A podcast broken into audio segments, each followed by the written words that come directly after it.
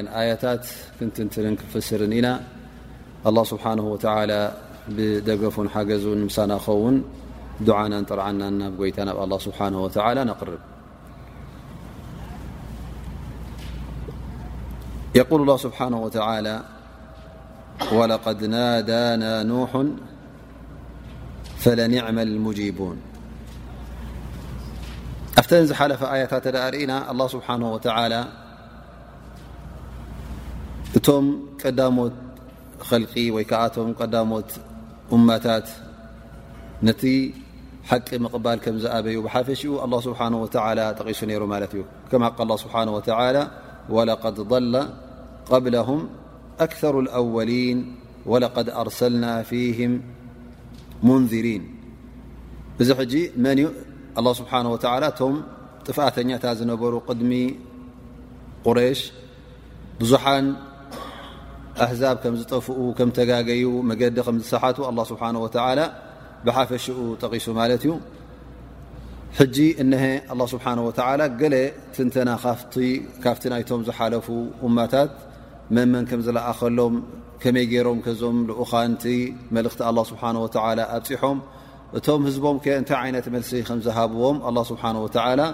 ይነግር ማለት እዩ ገለ ካብኣቶም ይጠቅስ ግን እቲ ትንተና ውን ሕጂ እተ ርእናዮ ሰፊሕ ትንተና ኣይኮነን ዝብ ዘሎ ኣ ስብሓ ኣብ ካልእ ሱራታት ተተንቲኑ እዩ ግን ኣብዛ ሱራ እዚኣ ሕጂ እታ ሱራ ንገዛእ ርእሳ ብሕፅር ሕፅር ዝበለ ኣያታት ዝሓዘለት ስለ ዝኾነት እሀ እቲ ዛንታ ናይቶም ዝሓለፉ ኣንብያ ናይቶም ዝሓለፉ እማታት ውን ኣላ ስብሓን ወላ ብሕፅር ዝበለ ኣገላልፃ ገይሩ ይገልፀሎ ማለት እዩ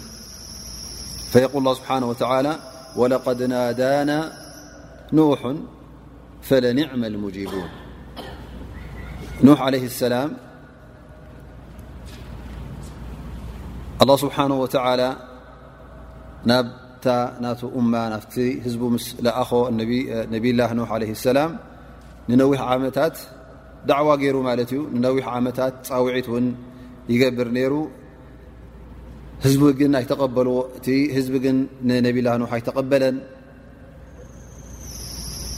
ነብላ ኖሕ ለ ሰላም እውን ዘጉደሎ ነገር ኣይነበረን ስለምንታይ ዘይተቀበልዎ ሃል ንሱ ድዩ እቲ መልእኽቲ ከምቲ ግቡእ ዘየብፅሑ ወይ ከዓ ትህኪት ነይርዎ ወይ ከዓ እንታይ ኮይኑ እዩ እተ ኢልና ርኢና ኣላ ስብሓን ወተላ ኣብ ሱረት ኖሕ ይኹን ኣብ ካልእ ኣያታት ጠቂሱልና እዩ ቀዳማይ ነገር እቲ ዓመታት ምስኦም ዝወሰዶ ክንደይ ነይሩ እቲ ናይ መልእኽቱ ኣልፈ ሰነት ኢላ ም ዓመ ፈለቤታ ኖ ለ ሰላም ኣልፈ ሰና ኢላ ም ዓመ እዚ ኩሉ ምንታይ የሕሊፎ ነብላ ኖ ለ ሰላም ኣብ ዳዕዋ ንዑ ንሓደ ኣላ ስብሓን ወላ ጥራይ ኣብልኹ ካብቲ ዘለኹም ጌጋ ካብቲ ዘለኹም ገበን ንዑ ተቆጠቡ እናበለ እዚ ዳዕዋ ገብር ነይሩ ማለት እዩ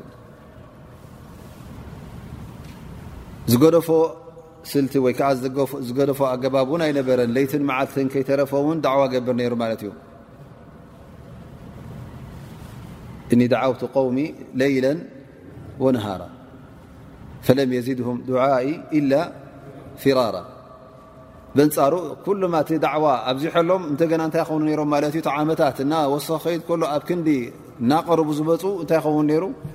እናሃደሙ ይኸዱ ነይሮም ማለት እዩ እዚ ኩሉ ዓመታት ፀኒሑ ኑሕ ዓለ ሰላም እዚ ኩሉ ናይ ዳዕዋ ንጥፈታት ኣካይዱ ለይትን መዓልትን ከይገደፈ ደዓም ሲረን ወጃህራ ማለት ዓውሉ ተዛሪብዎም ብምስጢር ገይሩ ተዛሪብዎም ንመን ንበይኖም ኣምፅኡ ነናሓደ ትሒም እናበለ እናመኸረ ዝገደፎ ኮታ ናይ ዳዕዋ ኣገባብ ኣይነበረን ላን እዞም ሰባት እዚኦም እቲ ክሕደት ስለ ዝመረጹ ንኢማን ድልት ስለ ዘይብሎም ፈፂሞም ናይ ኑሕ ለ ሰላም ዳዕዋ እውን ኣይተቀበሉን ማለት እዩ ኣብ መጨረሻ ኣላ ስብሓን ወተላ እውን እነ ለዩእሚና ምን ቀውሚካ ኢላ መን ድ ኣመና ኢልዎ ማለት እዩ ላስ እዚኦም ም ቶም ዝኣምኑ ቶም ሒደት ሰባት ድሕሪኦም ዝኣምነልካስ የብልካን ምስ በሉ ኣ ስብሓ ወላ ዳዕዋ ገይሩ ማለት እዩ ረቢ ላ ተር ኣ ኣርض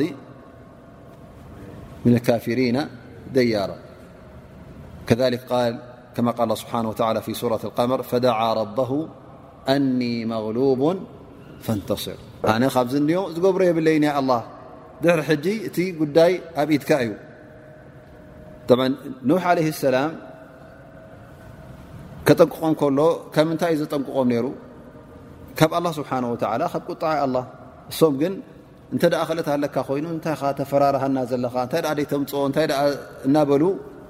የበሳጭዎ ነይሮም ማለት እዩ ላኪን ኖሕ ለ ሰላም እቲ ጉዳይ ኣብ ኢዱ ይኮነን ጉዳይ ኣብ ኢድ መን እዩ መቕፃዕቲ ክወርድ እንተ ደኣ ኮይኑ ካብ ኣብ ኢድ ኣላ ስብሓን ወተላ እዩ ፍርዲ ዝፈርድ ኣላ ስብሓን ወተላ እሱ ተላኢኹ ዘሎ እንታይ እዩ መልእኽቲ ኣላ ስብሓን ወተላ ከብፅሕ ነዞም ተጋግዮም ዘለዉ ነዞም ኣምልኾት ኣላ ስብሓን ወተላ ስሒቶም ዘለዉ ናብ ኣምልኾት ኣላ ስብሓን ወተላ ንክመልሶም ካብቲ ሽርክ ዘሎም ካብቲ ጥፍኣት ዘለዎም ካብኡ ወፂኦም ናብ ሓቅን ናብ እምነትን ንክኣትዉ እዚ እቲ ቃልሲ ነይሩ ማለት እዩ ላኪን እዚ ነዊሕ ግዜ ተወሲዱ እዚ ኩሉ ኣገባብ ተገይሩ እዚ ኩሉ ናይ ዳዕዋ ቃልሲ ተቓሊሱ ግን ፈፂሞም ዝቕበልዎ ውሕዳት እዮም ነይሮም ማለት እዩ ፈደዓ ወለቐድ ናዳና ኖሑን ፈለኒዕመ ልሙጂቡን ፈናዳ ላ ስብሓን ወተላ እንተ ረቢ ኣነ ዝገብሮ ካብ ዝላዕሊ የብለይን እሞ እቲ ጉዳይ ትሪኦ ኣለኻ ኣነ ድማ እቲ ኩሉ ዝኽእለተይ ፈፂመ ዩ እየ መቕሉቡን ካብዚ ንላዕሊ ግን ክዕወተሎም ኣይከኣልኩን ናብ ሓቂ ክመልሶም ኣይከኣልኩን ፈንተስር ሕጂ እቲ ጉዳይ ናባኻ ዩ ንስኻ ኢኻ ነዞም ሰባት እዚኦም እቲ ዝበልካዮም መዓት ይኹን ዘጠንቀቕካዮም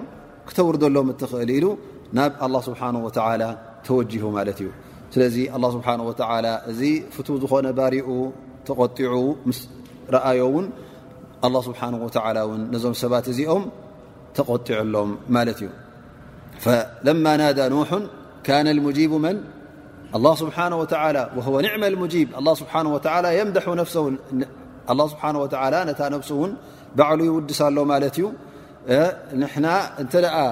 ፀዊዕዎ ባሪኡ ቀልጢፉ ከምታ ዝደለያ ገይሩ ከም ዝቕበሎ ዳዕዋ ናቱ ወይ ከዓ ዱዓ ናቱ ከም ዝቕበለሉ እሀ ኣላ ስብሓን ወተላ ይርእየና ኣሎ ማለት እዩ ላ ስብሓን ወተላ ንባሪኡ ኩሉ ግዜ እንተ ንፁህ ባርያ ኮይኑ ዳዕዋ እተ ገይሩ እተ ፀዊዕዎ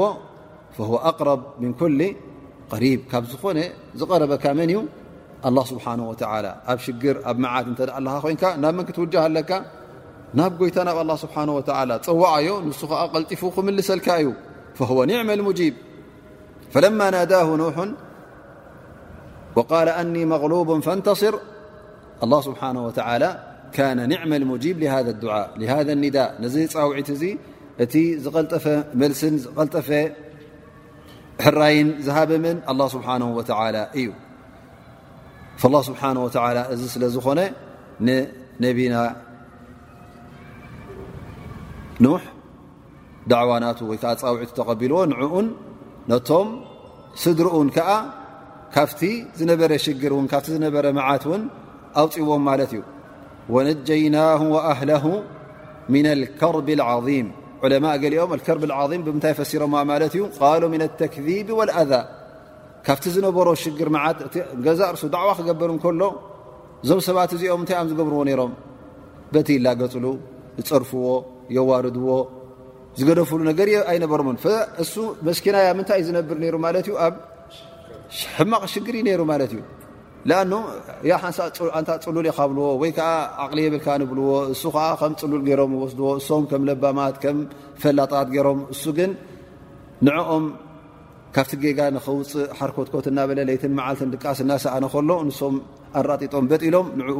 ከም ጌጋ በዓል ጌጋ ንሶም ኣብ ቅኑዕ መንገዲ ከም ዘለዉ ይኸዱ ነይሮም ማለት እዩ ላ ስብሓን ወተላ ይብለና ንነብላ ኖሕ እቲ ካብቲ ዝነበሮ ቀዳማይ ነገር ካብቲ ዝነበሮ ሽግር ምስቶም ክሓቲ ንገዛእ ርሱ ክነብር እንከሎ እቲ ሶም ዝገብርዎ ዝነበረ ዝገብርዎ ዝነበሩ ናይ ምፅባብ ይኹን ናይ ምሽጋር ይኹን ካብኡ ኣላ ስብሓን ወተላ ናፃፅኡ ካብቲ ዝዓበየ ከዓ ካብቲ ህልቀት እውን ኣላ ስብሓን ወ ኣብ ኣዱንያ ናይ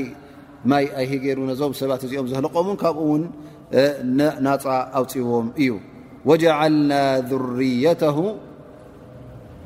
ባን ርየት መን ርየት ኖሕ ኖሕ ለ ሰላም እቶም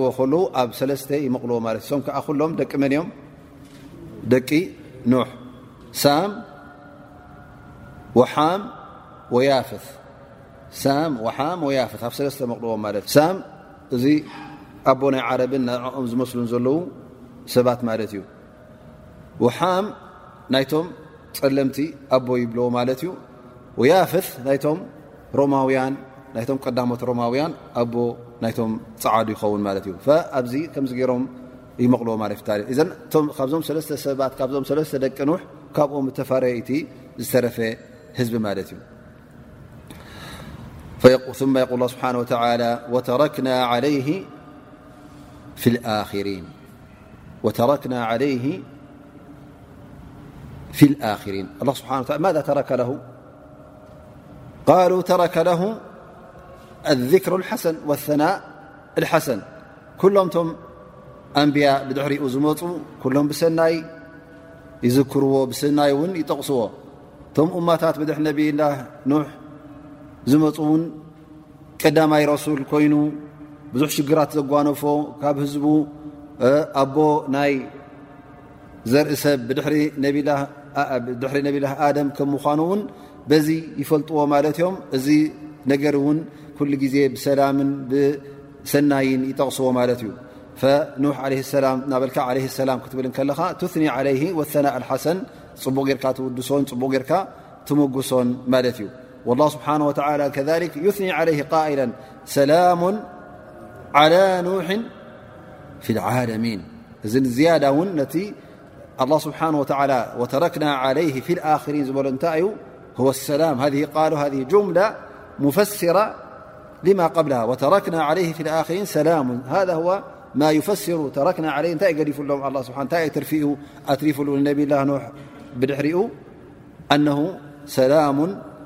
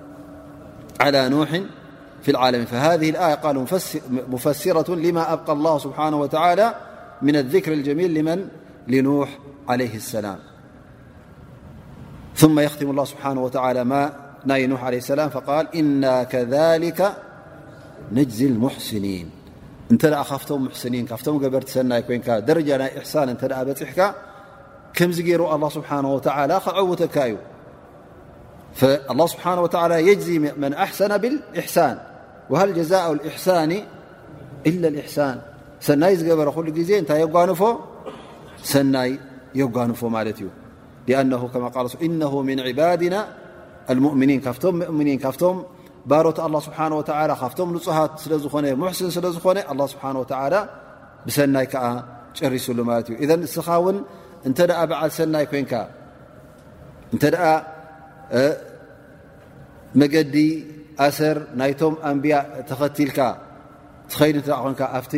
ኣብቲ ኢማኖም ኣብቲ ጎስጓሶም ናይ ዳዕዋ ኣብቲ ሰናይ ተግባሮም ኣብቲ ሙሉእ ህወቶም ንሊላ ኢሎም ዝህብዎ እንተ ከምዝኣመሰለ ትገብር እተ ኮንካ ወላ ውን ዘጓነፈ የጓኑፍካ ኣብቲ መጀመርያ ህወትካ ግን ናብ መጨረሻ ስብሓ ወላ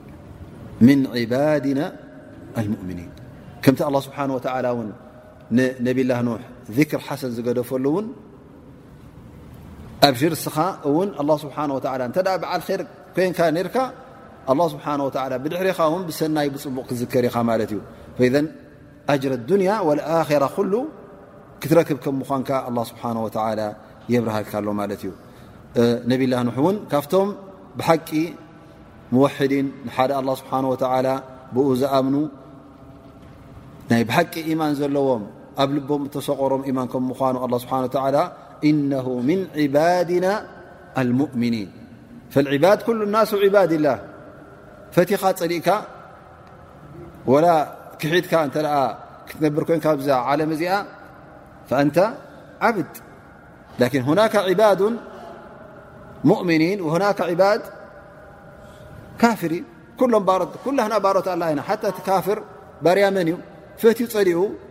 ባርያ ኣላ ስብሓን ወተዓላ ላኪን ተዓቢ ብልፀ ዘለዎ መን እዩ እቶም ባሮት ኣላ ብሓቂ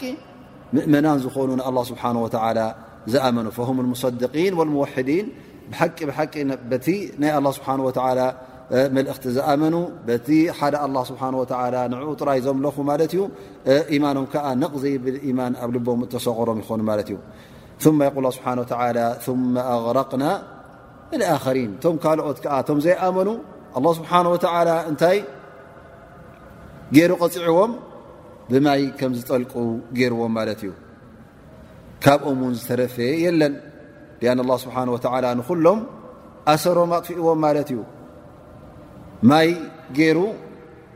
እታ መሬት ኩላ ቀምበይበይ ኢላ ብጀካ ነብላ ኖ ሓፍታ መርከብ ምስ ተሰቐለ ምስቶም ውሑዳን ሰብ ኢማን ምስቶም ውዳን እንስሳታት ኣ ስብሓ ወላ ን ምን ኩል ዘውጀይን እነይን ተማላእ ዝበሎ እሶም ሒዙ ምስ ከደ ኩሉ ትንፋስ ዝነበሮ ኣላ ስብሓ ወላ በዚ ማይ እዚ ኣጥፊእዎ እዩ እዚ ኣጠፋፍኣ ከዓ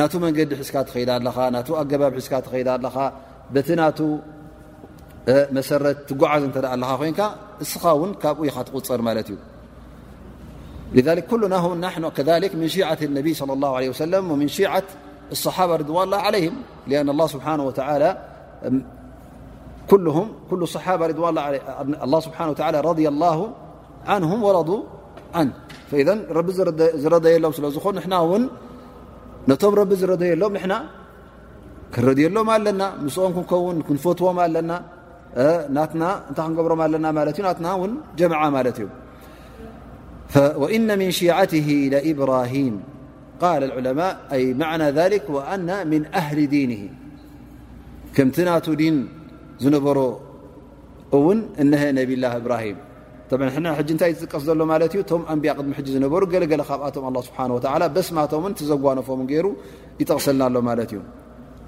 ወካነ ዓላ ምንሃጅ ኣብቲ ኣገባብ ናቱ ወይ ከዓ ኣብቲ ዳዕዋ ዝገብሮ ዝነበረ ከዓ ውን ልክዕ በቲ መሰረት ወይ ከዓ በቲ መስመር ናይ ነብላ ኖሕ ብኡይ ዝኸይድ ነይሩ ማለት እዩ ኣ ነብላ ኖሕ ልኡኽ ናይ መን እዩ ናይ ልኡ ኣ ስብሓ ወተላ ዳዕዋ ክገብር ከሎ እቲ ቀንዲ ዳዕዋ ተላእኸሉ እንታይ እዩ ንሓደ ኣላ ኣንዕቡድ ላ ክብሎም ይመፅዎም ማለት እዩ ዳዕዋ ነቲ ሽርክ ዝነበረ ጠፊኡ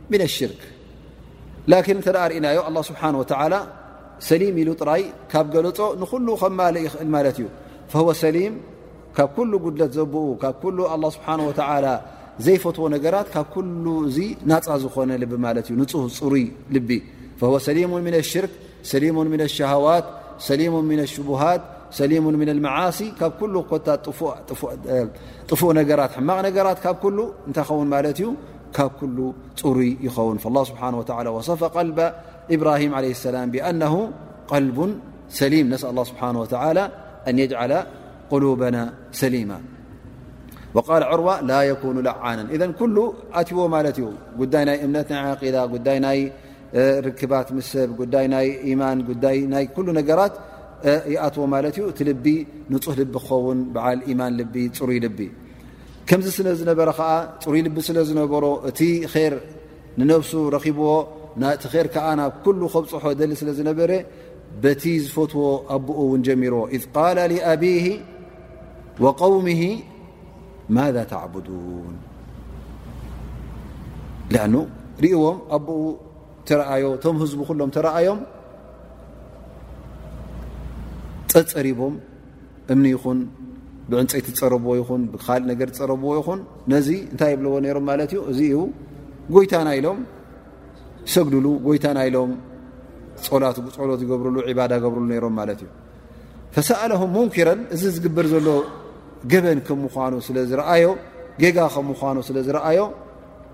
እናገሰፀ እንታይ ኢኹም ተምልኹ ዘለኹም ንመን ኢኹም ተምልኹ ዘለኹም እንታይ ኢኹም ትገብሩ ዘለኹም ኢሉ ተዛሪብዎም ማለት እዩ ኣፍከ ኣሊሀተ ዱና ላሂ ትሪዱን ኣፍከ ወፍክ ማዕናሃ ኣልከድብ እቶም ጎይቶ ትብልዎም ዘለኹም ናይ ቀልድን ናይ ሕሶት ጎይቶት እዮም እሞ ነቲ ሓቂ ዝኾነ ጎይታ ገዲፍኩም ናይ ኢፍኪ ናይ ሕሶት ጎይታ ትመርፁ ሓቂ ዘይብሉ ጠቕመኩም ዘይክእል ንዕኡ ትጠልቡ ከመይ ጌርኩም ኢኹም ከምዚ ዓይነት ሰባት ትኾኑ ገለ ኣእምሮ ዶ የብልኩም ምን ኢኹም ገለ ከይትሓስቡ እንዲኹም እናበለ ክዛረቦም ጀሚሩ ማለት እዩ ምናልባሽ ኣብ ልቦም ይምለሱ ይኾን እናበለ እቶም ጎይቶትኩም እስከ ረኣይዎም እንታይ እዮም እንታይ ገብሩ እንታይ ክፍፅሙ ይኽእሉ ባዕልኻ ዝሰራሕካዮ ባዕልኻ ዝፈጠርካዮ ንስኻ እንታይ ትገብሮ ማለት እዩ ጎይታኻ ኣብ ክንዲ ነቲ ዝፈጠረካ ተምልኽ ንመን ነቲ ባዕልኻ ዝመሃዝካዮ ንዕኡ ተምልኽ ማለት እሞ ከመይ ጌርኩም ኢኹም ከምዚ ዓይነት ሓሳብ ትሓስቡ እናበለ ፈማ ظኑኩም ብረቢ ዓለሚን እሞ እዚ ትገብርዎ ዘለኹም ኣላ ስብሓን ወተዓላ ከመይ ገይሩ ክቕፅዓኩም ከም ምዃኑ ዶ ኣይትፈልጡን ኢኹም እቲ በዓል ዓብዪ ክእለት እቲ ወሰን ዘይብሉ ክእለት ዘለዎ ትፈላጥ ዝኾነ ጎይታ ኣላ ስብሓን ወተዓላ እቲ ዝፈጠረኩም እቲ ዝኸለቀኩም እቲ ዝርዝቐኩም እቲ ዕድመ ዝሃበኩም እቲ ጉልበት ዝሃበኩም እቲ ጥዕና ዝህበኩም ዘሎ ጎይታ ኣላ ስብሓን ወተዓላ ንዕኡ ገዲፍኩም ንካልእ ክተምልኾ ከለኹም ሲ እንታይ ዓይነት ትፅቢት ካብኡ ትፅበዩ እስኹም ኢሉ ካብ ጎይታ ኣላ ስብሓን ወተዓላ የጠንቅቖም ነይሩ ማለት እዩ የፈራርሆም ነይሩ ላኪን ላሓያታ ሊመን ትናዲ እሶም መሪፆሞ እዮም እቲ ጉዳይ እና ወጀድና ኣባኣይና ኢሎም ይኾኑ እቲ ዝፀንሖም ንዑ ክቅይሩ ስለ ዘይደለዩ ይኾኑ እቲ ህዝቢ ኩሉ ነዚ ደሊ ካብ ኮነ ከዓ ካብቲ ናይ ሓፋሽ ህዝቢ ድልት እውን ካብኡ ተነፂልካ ክትወፅ እውን ደስ ኣይብለካን እዩ እሞ እዚ ኩሉ ሰብ ተጋጊ ሎ ማለት እብራሂም ጥራይ ኣብ ሓቂ ዘሎ እዚ ኩሉ ተጋጊ እ ብ ሓቂ ዘሎ ኣይኪድ እሱ ዩ ተጋጊ ዘሎ እበር እዞም ኩሎም ኣቦታትና እዞም ዓበይቲ እዞም ዝሸየቡ እዞም ክንዲ ዕድመ ዘለዎም እዞም ሽማግሌታት እዞም ባሻይ እዞም እከለ ከመይ ገይሮም ይጋገ ኢልካ ሕጂ እቲ ሚዛንካ እንታይ ይኸውን ማለት እዩ ሚዛን ናይ ሰብ ሰብ እንታይ መሪፁ ኣሎ ኣነ ከዓ ምስ ይኸይድ ኣለኹ ኢልካ ምስ ትኸይድ ማለት እዩ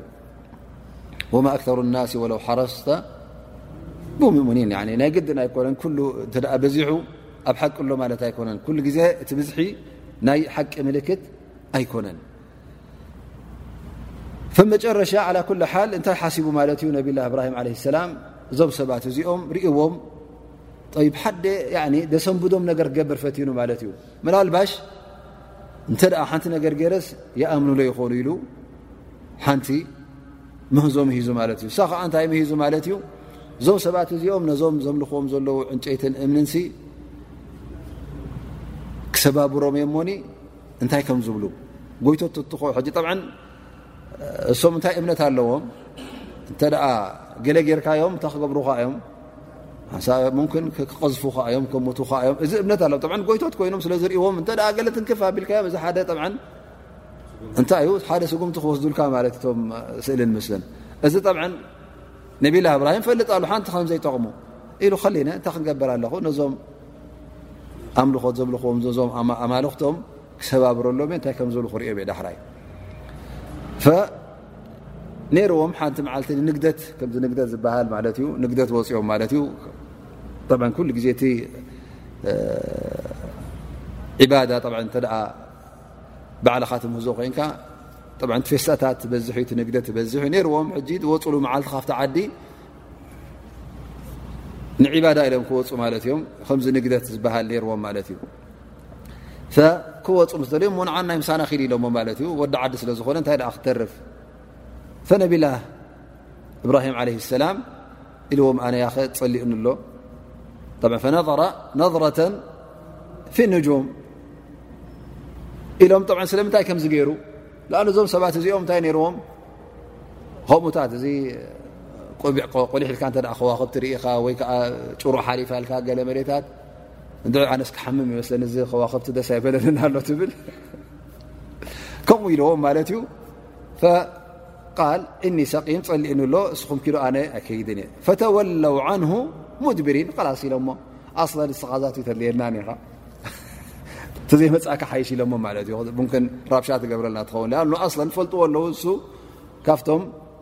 ቅድሚ ሕጂ እውን ዛረብ ነይሩ እዩ እዞም ጎይቶት እዚኦም ደስ ከም ዘይበልዎ ነብኡ ይኹን ነኡ ማ ተዕቡን እንታይ ኹም ተምልኹ ዘለኹም እንታይ ኹም ተርእዩና ዘለኹም እናበለ ይካትዖም ይማጎቶም ስለ ዝነበረ ይፈልጥዎ እዮም ማለት እዩ ተወለው ን ሙድብሪ ከይዶም ሶም ኣሰን ክሰምዑ ይደለዩን ከይዶም ናብቶም ንግደቶም ኣብኡ ውዒሎም ማለት እዩ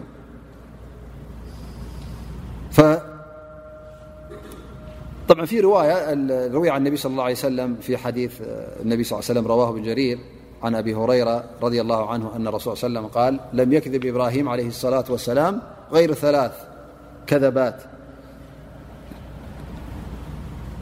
ثنتين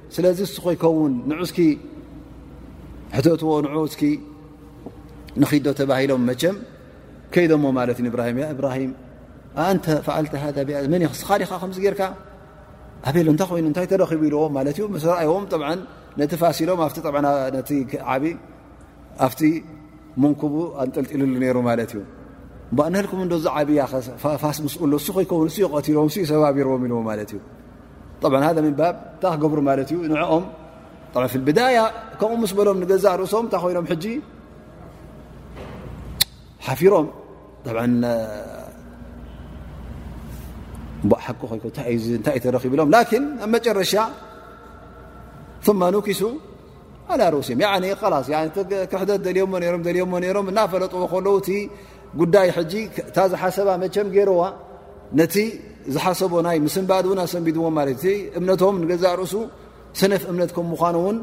መሰረት ከም ዘይብሉ ኣርእዎም ማለት እዩ ንስኻ ዝገበርካዮ እዚ فأقበሉ إለይ የዚፉን እናጎይዩ ናጎዩ መፅኦም ማለት ዩ ኣይ ሙስርዒን ላስ እዚ ፈዲሓ ማለት እዩ እዚ ኩሉ ቅድሚ ሕጂ ንገብሮ ዝነበረ እዚ ኩሉ ኣምልኾትናስ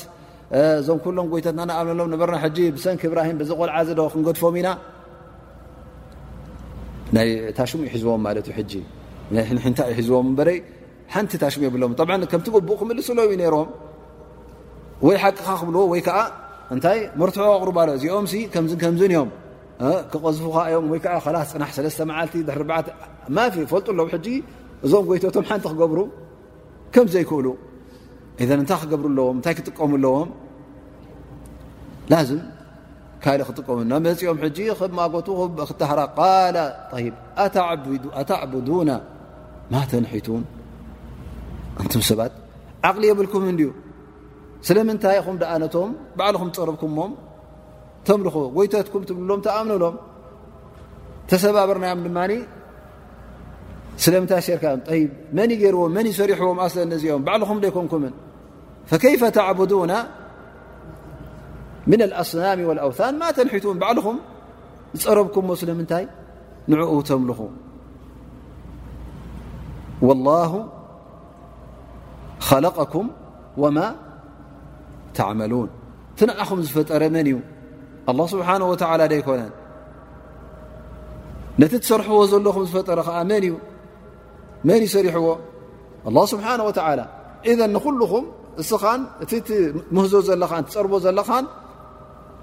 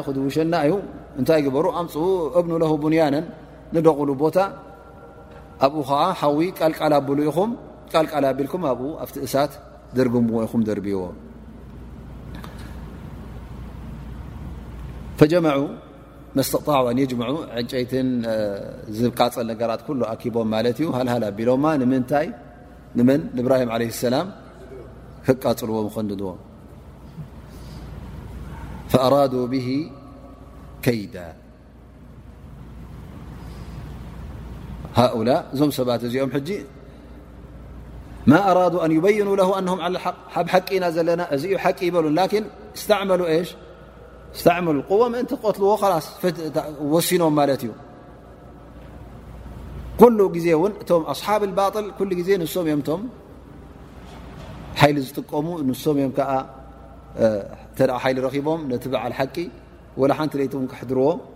ኣይደልን እዮም ወላ እቲ ዝሰርሕዎ ስራሓት እውን እተደኣ ርኢኻ እቲ ዝጥቀምዎ ናይ ሓይሊ እውን ዝበኣሰ ማለት እዩ እብራሂም ዓለ ሰላም ክቐትልዎ ምክን ሴፍ ገይሮም መቐተልዎ ወይ ከዓ ዝኾነ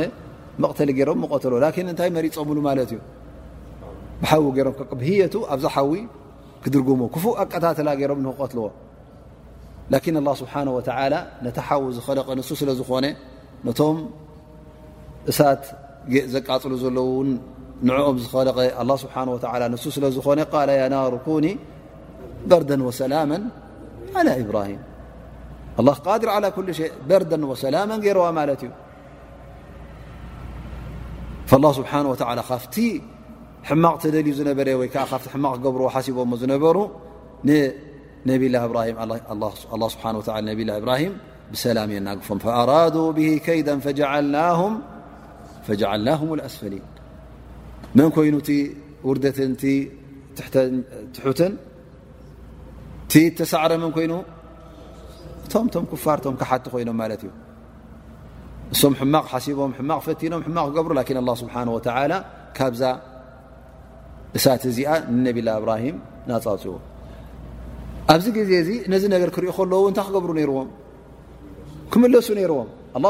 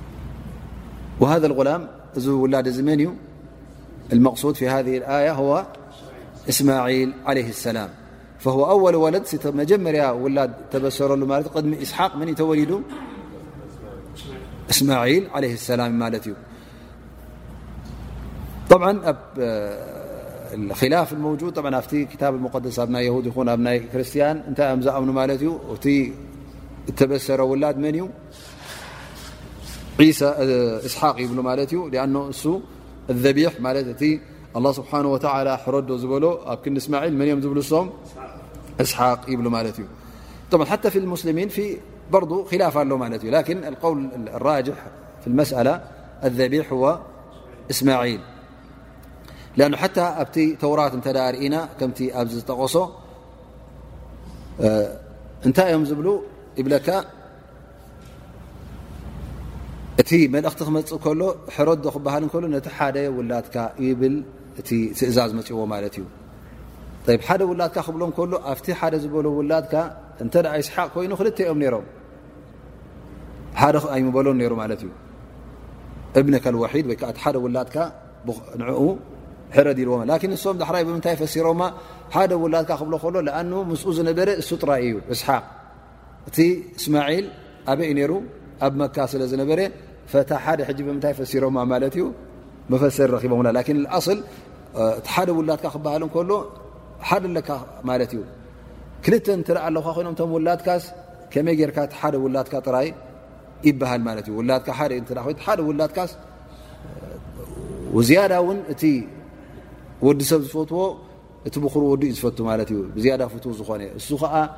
ሓደ ክኸውን ከሎ ሽ ሕረዶ ክትበሃል ከለኻ ወይ ከዓ ዝግበረሉ ክበሃል ከሎ ብዝያዳ እቲ እብትላ ኣላ ስብሓን ወ ነብላ እብራሂም እብትላ ስለ ዝገበሮ እዚ እዩ እስማዒል እዩ ነይሩ ይብሉ ማለት እዩ እቲ ላፍ ከምዚ ዓይነት ዘሎ ወይ ከዓ ክስማዕ ይከኣል ማለት እዩ ፈለማ በለغ መዓ ሳዒ እስማዒል ለ ሰላም ምስ ዓበየ ማለት እዩ